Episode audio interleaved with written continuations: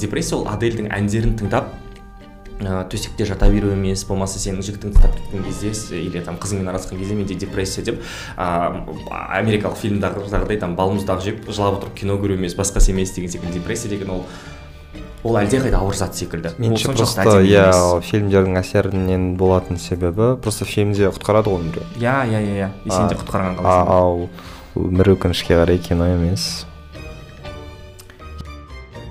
А, бәріне сәлем құрметті тыңдармандар. Бұл тиме подкасты ұзақ уақыт үзілістен кейін қайта оралдық және біз екінші маусымымызды тәмамдауға дайынбыз. Сіздермен бірге әдеттегідей ә, дастан мен бұл қоғамды жақсы жаққа қарай өзгерткім келеді. Және оның қасындағы жүргізуші заңғар мен ортамды жақсы жаққа өзгерткім келеді. Біз ә, бұл эпизодты ұзақ уақытқа шегерген болатынбыз себебі бұл ә, ауыр тақырып психолог іздедік ол ауыр тақырыпқа бізге бір жақсы сарапшы маман керек болды. Сол себепті менің құрбым және ә, по совместительству тұра тұр орысша айта алмай қалдық қой по совместительству деп ә, жанымда маржан деген құрбым және психолог. Ә, маржан өзіңді таныстырып өтсең. Бәріңе сәлем менің есімім маржан. И? Бұл мен психологпын деші мен психологпын. Иә психология ғылымдарының магистрі. Или әлеуметтік ғылымдардың магистрі ішінде психология мамандығы бойынша басқасы. И ә, не үшін бізге психолог қажет бұл эпизодқа деген сұраққа жауап берсек ә, біз бүгін күйзеліс туралы сөйлескіміз келіп жатыр. Депрессия тақырыбы. Депрессия туралы. Негізі бұл өте өте подкаст үшін психологиялық тақырыптар үшін ең бірінші кезекте жазылатын меніңше қозғалатын тақырып эпизод. Не үшін біз оны екінші сезонның соңында қозғалдық дастан айтыңызшы ә, өйткені біз ә, әр сезон сайын осындай бір күрделі тақырып қозғаймыз деп шешкен болатынбыз. Ал не үшін екені ә, эмоционалды күю туралы эпизодтан кейін көп мындай түсініксіз жағдайлар болды. Ол эмоционалды күю апатия депрессия оның өзара айырмашылықтары неде басқасы деген секілді.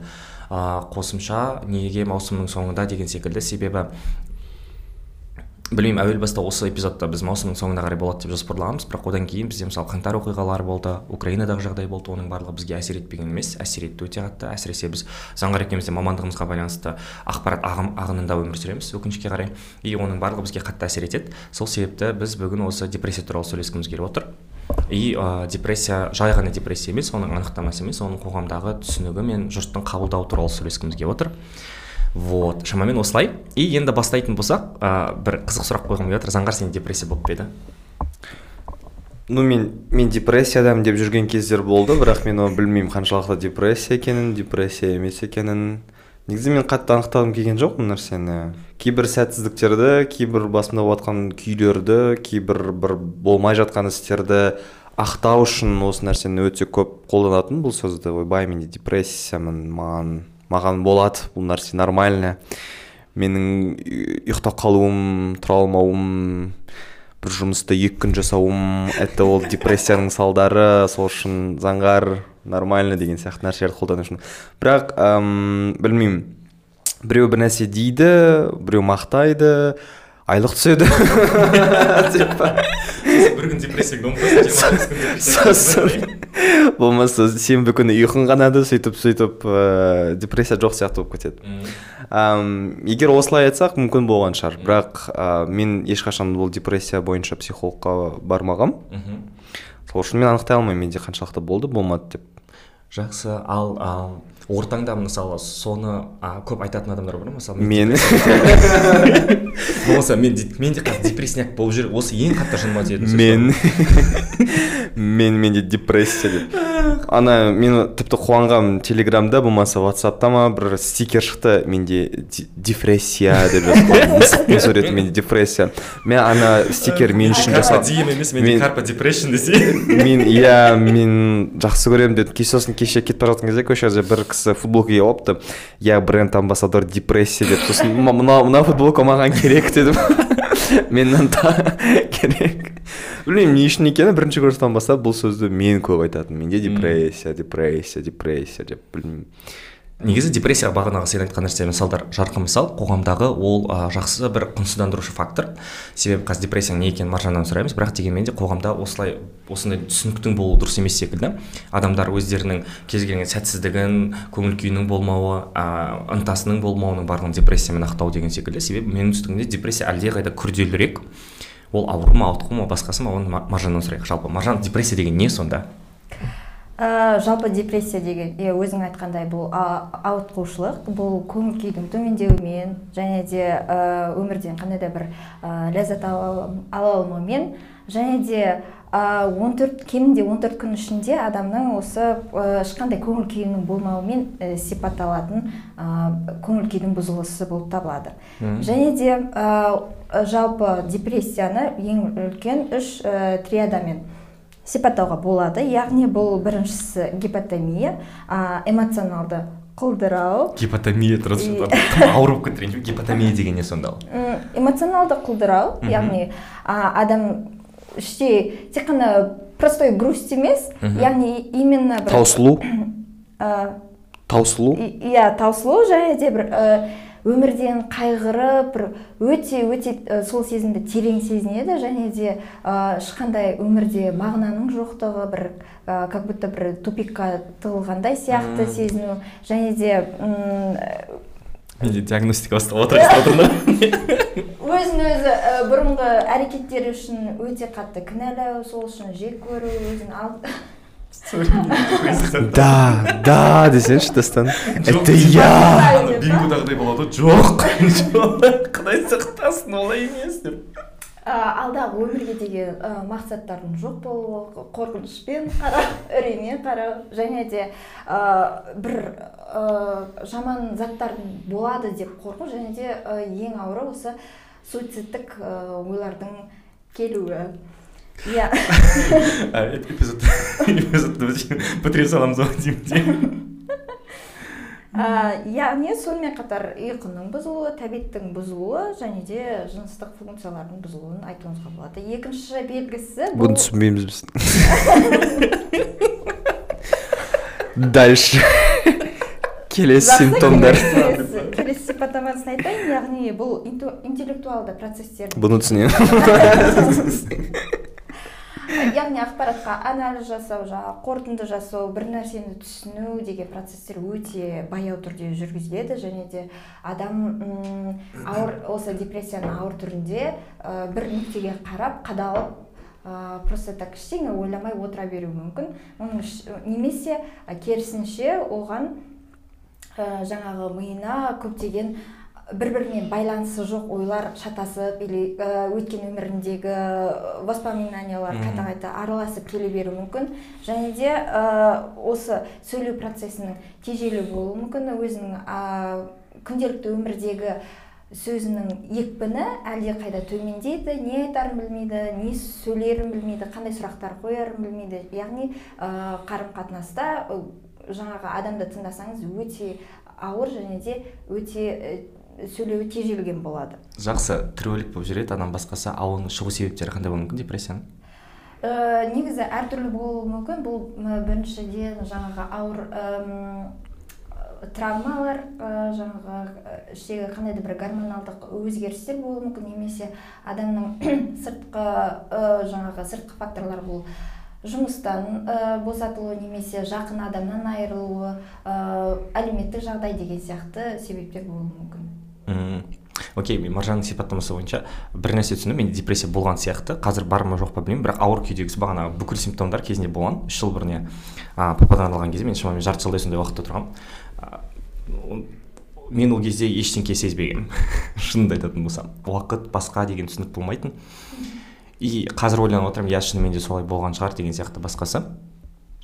И келесі сұрақ бар менде. Ал окей а, бағана депрессияда адам жұмыстан арылатын болса онда ол да депрессия болуы мүмкін басқасы. Ал эмоционалды күйі мен депрессияның айырмашылығы өзара қандай сонда?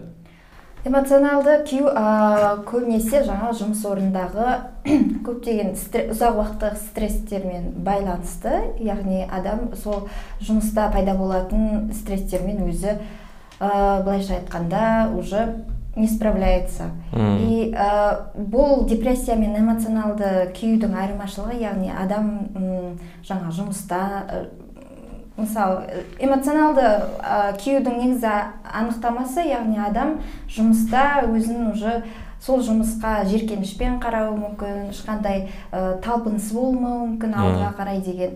А, яғни адам сол жұмыстан м, бір ә, біраз уақытқа демалыс алып жаңағы демалатын болса м, жаңағы симптомдар кетуі мүмкін. Ал депрессия бұл жай ғана демалыспен ұйықтаумен яғни кетпейді. Мм. қалай кетеді? Ә, жаңағы психиатр немесе психотерапевтқа бару арқылы және де ә, медикаменттік жолдармен ә, емделу. Емделеді бірақ ә, симптомдары бірдей иә? Яғни тура депрессияның симптомдары сияқты. Бірақ ол нәрсенің көпшілігі жұмысқа қатысты болады эмоционалды күйеуде. неге депрессия болмаған онда? Мм, иә онда сенде арасында былайша айтқанда тонкая грань. Сол жұмыстан егер сол жұмыстан өзіңізге жақсы бір демалыс алып демалсаңыз шаршауыңызды бассаңыз бір жаққа барып қыдырсаңыз мысалы тауға шықсаңыз деген сияқты ол симптомдар кетуі мүмкін. Мм. ал апатия мен ыыы ненің айырмашылығы қандай депрессияның? Апатия бұл жалпы бір симптом болса жаңа депрессия көптеген симптом, симптомдардан жинақталған ә, синдром болып табылады және де апатия, апатия дегеніміз бұл қандай да бір өмірге деген қызығушылықтың жоқ болуы жаңағы ә, адамдармен қарым қатынастағы қызығушылықтың жоқ болуы ә, жалпы жай сау адамдарда болатын қызығушылықтың жоғалуы ол деген жаңағы бір гормоналды өзгерістерден немесе витаминдердің жетіспеуінен ә, болуы мүмкін. Мм окей егер апатия дегенді түсінбейтін адамдар болса бағана заңғармен сөз еткенде ол құлазу ол адамның ынтасының болмауы ол ол шамамен солай түсіндіретін түсіндіре аламыз. Окей. Депрессияны шамамен анықтаған сияқтымыз. Анықтамасын. Ол бағанағы пәленбай симптомдардың нәтижесінде білінеді. Бірақ біз бір нәрсе түсінген сияқтымыз. Иә адам өз өзіне диагноз қоя алмайды иә депрессия деген. Ә, диагноз қоюға болмайды. Міндетті түрде ә, кәдімгі маманға барып а маманға барған кезде мен психологқа барамын иә бірінші. Әлде әлде қалай? Ә, құрбыңызға жоқ мен мысалы бір құрбым психиатрға барған. Менің түсінігімде ол біртүрлі сияқты психиатрға кірген жиырма минут консультациядан кейін оған депрессия деп анықтама берген да. Меніңше тым ерте сияқты бір ғой жиырма минуттың ішінде де адамда депрессия бар жоғын анықтау деген білмеймін. Вот.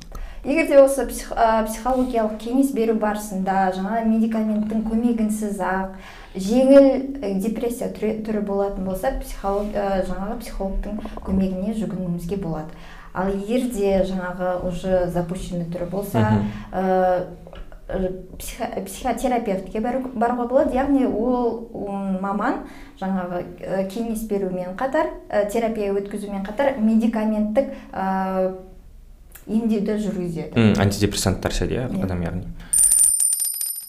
Құрметті тиме тыңдарманы егер сіз бізге өзіңіздің кішігірім қолдауыңызды білдіргіңіз келсе және де дастан мен заңғардың эмоционалды күйюге тап болмауына себепкер болғыңыз келсе бізді каспи арқылы қолдай аласыз. Каспи реквизиттерін инстаграмдағы хайлайт сториста көрсетіп қоямыз. Біз ол қолдауды балмұздаққа тамаққа немесе жақсы демалысқа жұмсаймыз. Депрессия деген түсініктің қоғамда пайда болуы меніңше дұрыс емес деп айттыңыз. И типа ол, ол ой жоқ жалпыға тарауы дұрыс емес дедім. Мен мысалы типа- жалпыға тарауы? Иә иә ол мысалы а, маржан рахмет. Де маржан біздің арамызда. Қосылып отырсаң болады күліп отырсаң болады деп жоқ а, мен қоғамдағы депрессияның романтизациясына қарсымын. Жалпы депрессия емес кез келген ментал аурулардың а, романтизациясына қарсымын. Ол романтизация деген оны жақсы позитивті түсте көру болмаса оған ынтық болу деген сияқты. Мысалы а, білмеймін утренний шоу деген сериал көріп пе вот сол жерде мысалы екінші маусымында ана ақ адам италияда өзінің вилласында пластинка тыңдап қайғырып жүреді да менде депрессия деп. И жұрттың көп менің инстада көретін болмаса иә яғни менің бабл дейді ғой менің көпіршігімнің ішіндегі өмір сүретін ақпараттық кеңістігімде адамдар солай қарастырады да депрессияны. Білмеймін а, ол қайғыру амалы ретінде болмаса бір ә, оған ынтығады қызығады и меніңше ол дұрыс емес секілді білмеймін депрессия ол адельдің әндерін тыңдап ә, төсекте жата беру емес болмаса сенің жігітіңді тастап кеткен кезде или там қызыңмен араласқан кезде менде депрессия деп ә, америкалық фильмдағыдай там балмұздақ жеп жылап отырып кино көру емес басқасы емес деген секілді депрессия деген ол ол әлдеқайда ауыр зат секілді. Себебі ә, менің мысалы ортамда екі адам бар диагностирован депрессиямен иә. Ә, и өкінішке қарай кейде кейде көп жағдайда біздің симптомдарымыз бір бірімізге сай келеді. Бірақ мысалы күнделікті тірліктегі жуу деген нәрсеге сен қанша уақыт жұмсайсың? Үш минут. Вот шамамен үш минут. Менде депрессия түсінгенмін депрессия болған кезде мен төсектен тұруым үшін шамамен екі үш сағат арнайтынмын өзіме. Мен жай ғана аспанға уақытыңыз қандай күшті? Мен сегізде тұрамын. тоғыз жарымда жұмысқа бару керек. Ну, отбасылық жағдайларға байланысты маған бір айға дейін шамамен сабаққа келмей ақ қойсаң болады деді ол кезде менде командировкалар болды басқасы болды деген секілді. И мен өмірімді тек қана сол жағдайдан шығу үшін жұмыспен ғана көбейттім мен ол кезде көп жұмыс істейтінмін. Жұмыс істеуге әлі болмайтын бірақ мәжбүрлік бәрібір сені төсектен тұруға ынталандыратын да ше и бірақ уақытым демалысым болған кезде мен құр төсекте жата беретінмін. Тамақ ішпейтінмін тұрмайтынмын себебі оған күш күш жоқ болатын. И мысалы там бөлмеде жатасың есігің жабылмай тұр ғой. Ол сенің жыныңа тиеді да бірақ тұрып жабуға деген сені күшің жоқ ынтаң жоқ и бәрібір деген секілді. Вот шын депрессия расымен ол солай. Ол ол ә, тұруға жуынуға ә, басқасына деген секілді. Кәдімгі қарапайым заттарға деген сенің күшің болмайды ең бастысы ынтаң болмайды. И жұрт мысалы типа ойбай сен ауырып кетіпсің ғой андай болып қалыпсың ғой мындай болып қалсың ғой деген секілді саған бәрібір да өзіңе деген. Сонда романтизацияның салдары не болады? Романтизацияның салдарлары осындай күйдегі депрессияны адамдар түсінбейді не екендігін. То есть ол бір қате самодиагностика болады мысалы қате түсінеді депрессияның не не емес екендігін. И плюс адам мысалы менде депрессия десең ә, адамдар оны жеңіл қабылдайды да. Іштен кетпейді бір демалсаң кетеді ғой деген секілді. Ол дұрыс емес ол құнсыздандыруға алып келеді. И оның салдары қандай? Мысалы қазақстан республикасының еңбек кодексі бойынша ә, депрессиясы бар адамдарға ә, ешқандай больничный берілмейді. Мен мысалы үш жыл бұрын құрбымда депрессия болды. Средней тяжести дейді. Оны диагноз қойды психотерапевт. Енді оған больничный алуға бола ма десең рұқсат етпейді еңбек кодексі. Ойлайсың сен өмір сүруге деген құлшынысың жоқ. Сен жұмыс істеу тұрмақ төсектен тұруға деген құлшынысың жоқ. Саған бірақ жұмыс істеуге міндеттісің дейді. Оның бәрі сол қоғамдағы ментал денсаулықтың ә, жеңіл қаралуының кесірінен. И ол дұрыс емес. То есть ол депрессия деген расымен де ол бағанағыдай бұзылыс ол күйзеліс ол ауыр. И ол оңай емес. Ол сенің там бір ән тыңдап бес ә, білмеймін енді самон айтып болғанға дейінгі бітетін күй емес. Ол ұзақ күй. И ең қызығы сен мысалы депрессиямен ауыратын кезде депрессиясы бар адамдар ешқандай эмоция сезбейді. То есть эмоция реакция білдіру мүмкін. Ол маржаннан сұрағым келген осы туралы сәл, сәлден кейін. Бірақ дегенмен де оның ішкі күйі терең күй болады ғой. Мысалы там қуаныш бір бәле бақыт деген секілді андай эйфория деген секілді эмоция туралы ештеңке жоқ. Мен сол мысалы өзімнің өмірімдегі жарты жылдың ішінде ештеңке сезгенім жоқ бар ғой. Бір ынта қуаныш бірдеңке адамдар шақырса окей барамын басқасы деген секілді. Вот сол кезде мысалы менде бірақ ол күйден шыққаннан кейін бір үлкен сұрақ пайда болды. Менің достарым өте көп ортам өте көп не болып қалды деген секілді. Неге бір қол ұшын созбадыңдар басқасы деген секілді. Сол кезде көбісінің айтқаны біз не істерімізді білмедік дейді да. Енді осы жерде мен маржаннан сұрағым келіп тұр. Егер менің досымда депрессия болса болмаса мен сондай апатиялық бір көңіл күйін байқасам мен қалай көмектесе аламын ол адамға? Себебі эмоционалды күй болса біз түсінеміз иә. Эмоционалды күй кезінде адамға сен қолдау көрсете аласың жұмыстан тысқары там заңғар сен күйіп кеткен сияқтысың кеттік демалып қайтайық деп айта аламын. И ол көңіл күйіне бір бірдеңке болсын әсер етеді. Ал депрессия кезінде ше? Ә, жалпы сондай сипаттамаларды жаңағы жақын достарыңыздан туыстарыңыздан байқасаңыздар ол, ол сол адамнан просто не болды қандай жағдай болды не сезініп жүрсің деген сияқты сұрақтар қою арқылы ә, мен саған қалай көмектесе аламын деген сұрақтарды қойып ә, поддержка жасауға болады. Яғни ол адамның сезініп жүрген ә, жаңағы көңіл күйі жоқ болса оны орысша айтқанда обесценивание жасауға болмайды. Ә, содан кейін ә, мүмкін ә, психологқа барарсың немесе психотерапевтке барарсың деген сияқты кеңестер ә, беруге болады. Мм. Яғни жіберіп алмау керек ол ситуацияны. Окей ал депрессиясы бар адам сыртқы факторға реакция білдіре ала ма? Күлу басқасын істеу деген секілді нәрселерді иә ондай ә, депрессияның түрі бар және де ә, ондай адамдар кәдімгі сыртқы қоршаған ортада жаңағы қарым қатынаста күліп ойнап жүре беруі мүмкін. Ә, былай сыртынан қарасаң ондай адамдарда ешқандай проблема жоқ сияқты просто ә, қайда жаңағы күліп ойнау бар сол жақта жүруі мүмкін. Бірақ ә, көбінесе сол ә, адамдардан тыс қалғысы келмегендіктен ә, жаңағы өзінің ойларынан қорыққандықтан өзінің ішкі дүниесіндегі жаңағы бетпе бет қалғысы келмегендіктен көбінесе осы адамдардың ортасында жүруі мүмкін. Мм демек біз байқамауымыз да мүмкін иә? Адам күліп ойнап басқасы деген секілді. Қызық окей. И а, тағы бірдеңке сұрағым келген мен мысалы бізде қазір мә бұл, бұл құдай сақтасын бірақ білемін. Бірақ бізде мысалы әріптестермен қазір бір андай ең ақымақ жарыс болып жатыр ол дұрыс емес негізі ол бірақ біз үш әріптес өзара бектің несі бар? Тест бар. Ол ол тест қандай деген секілді. Ол адамға депрессия бар жоғын анықтауға көмектесетін тест.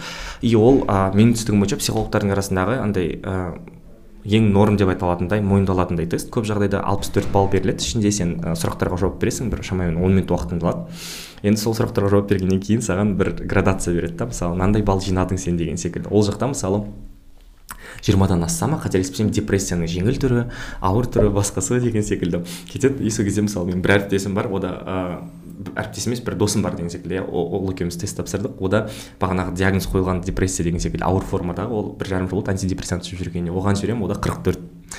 Такой окей хорошо сізде қанша менде 34 ә, бектің градациясы бойынша ол типа ауыр формадағы депрессия. И менің бір әріптесімде 29 ода орта формадағы депрессия екен.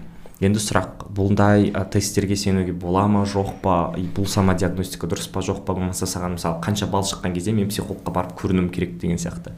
Дей берсең дастан асылып қалды дей құдай сақтасын ту ту айыпқа бермеңіздер мен ешкімді құнсызданып жатқан жоқпын. Жай бұл ыыы қандай еді? Ақпаратты қорытуға көмектесетін ирония. Маған көмектесетін. Э, кез келген психологиялық э, тесттерде мысалы сондай ауыр бір диагноз қойылатын болса ол, ол э, оны нақтылау үшін маманға жүгінген жөн. Яғни өзіңе ондай диагностика қоюдың қажеті жоқ. Э, тек қана бұл э, жаңағы дабыл қағатын жағдайды көрсететін э, себепші ретінде көруге болады. Мм яғни енді бірінші қоңырау. Тесттен ауыр депрессия деп жатса демек маманға барып көр деген сөз иә? Иә. жақсы. Депрессия үйр- үйреніп кетуге бола ма? Яғни депрессияның бұл сенің қарапайым бір күйің сияқты әсер етеді. Сол үшін сен оны емдеуге асықпайсың сен оны жазуға да ынталы емессің. Саған бұл нәрсе нормально болып кетеді. Бұл қаншалықты жиі кездеседі и қаншалықты нормальный нәрсе.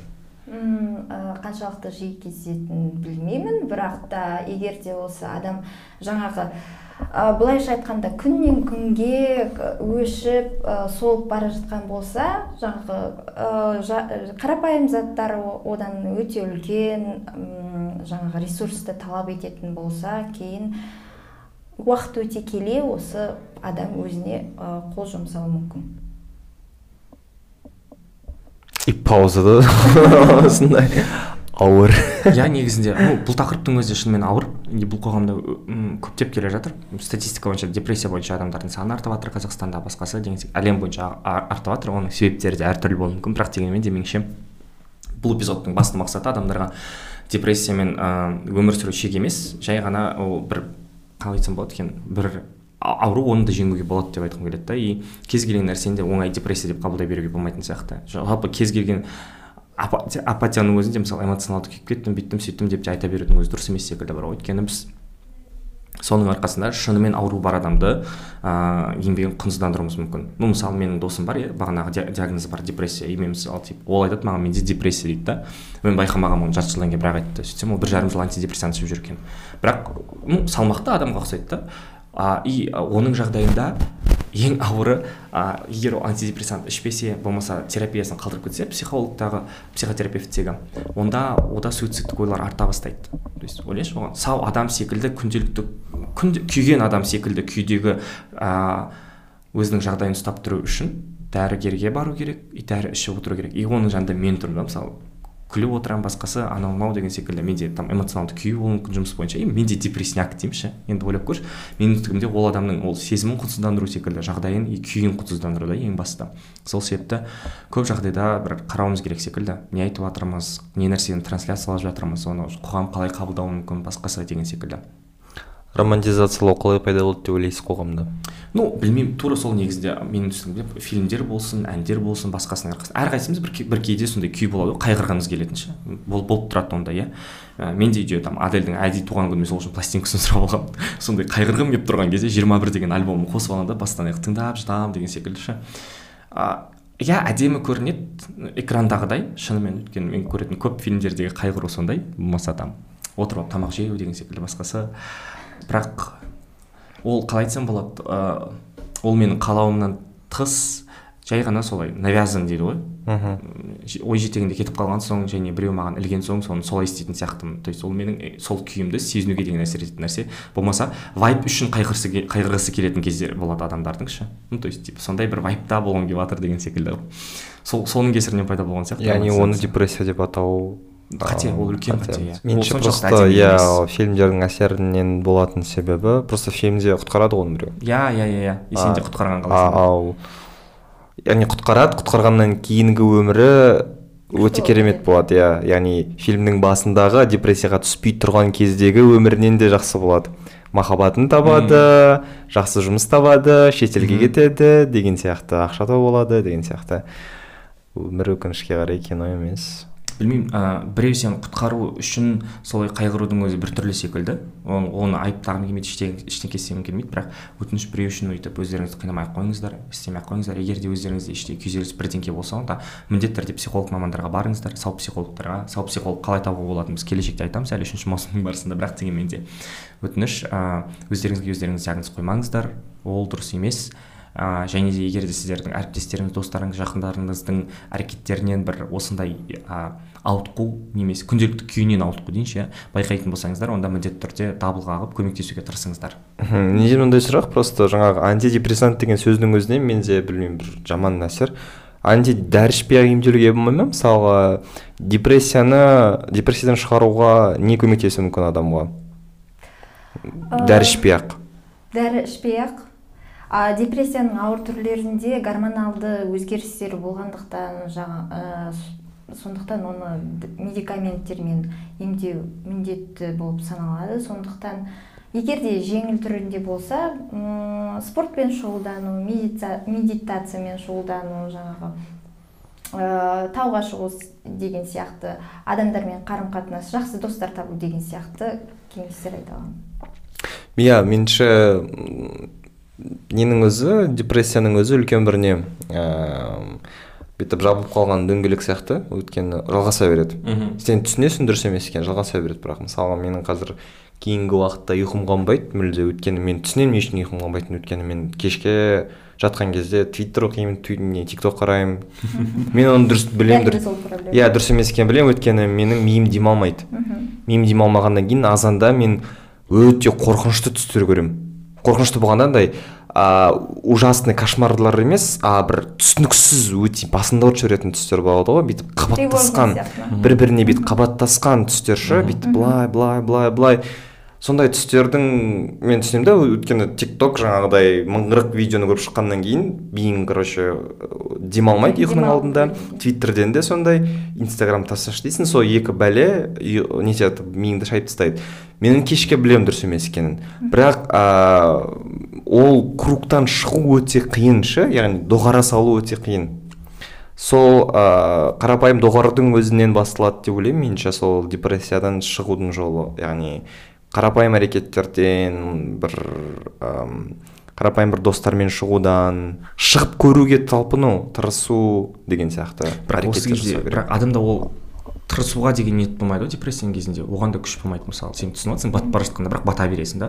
И сұрақ егер де мен мысалы заңғарда депрессия құдай сақтасын иә келіп байқаймын и мен заңғар депрессиядан шығуға әрекет істейік бірдеңке десем ол мені тыңдай ма ол қаншалықты әсерлі?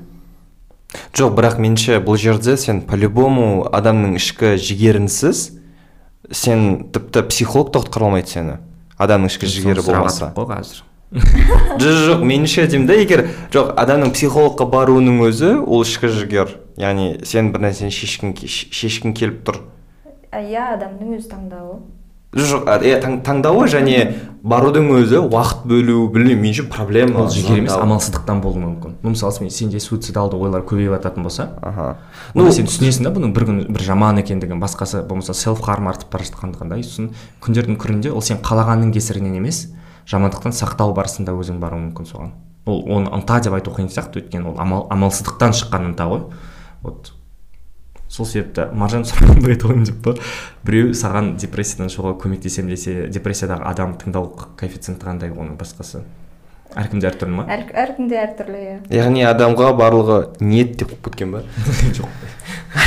Дұға етіңіз жалпы сол өзінде адамда сондай белгілер болатын болса оны ең алдымен нужно признать что у Иә, меня иә. такое состояние деген сияқты мен уже э, өзім ә, өзіме өзім көмектесе алмаймын яғни егер де мен ары қарай мысалы өмір сүргім келсе деген сияқты э, барып ә, маманға жүгінген жөн бірақ иә өзің оны бірінші мойындау және білмеймін әйтеуір бір ішіңдегі не болса кішкентай заттардан қарапайым ғана әрине қасында Ошақ сондай қолдау көрсететін адамдардың болғаны дұрыс.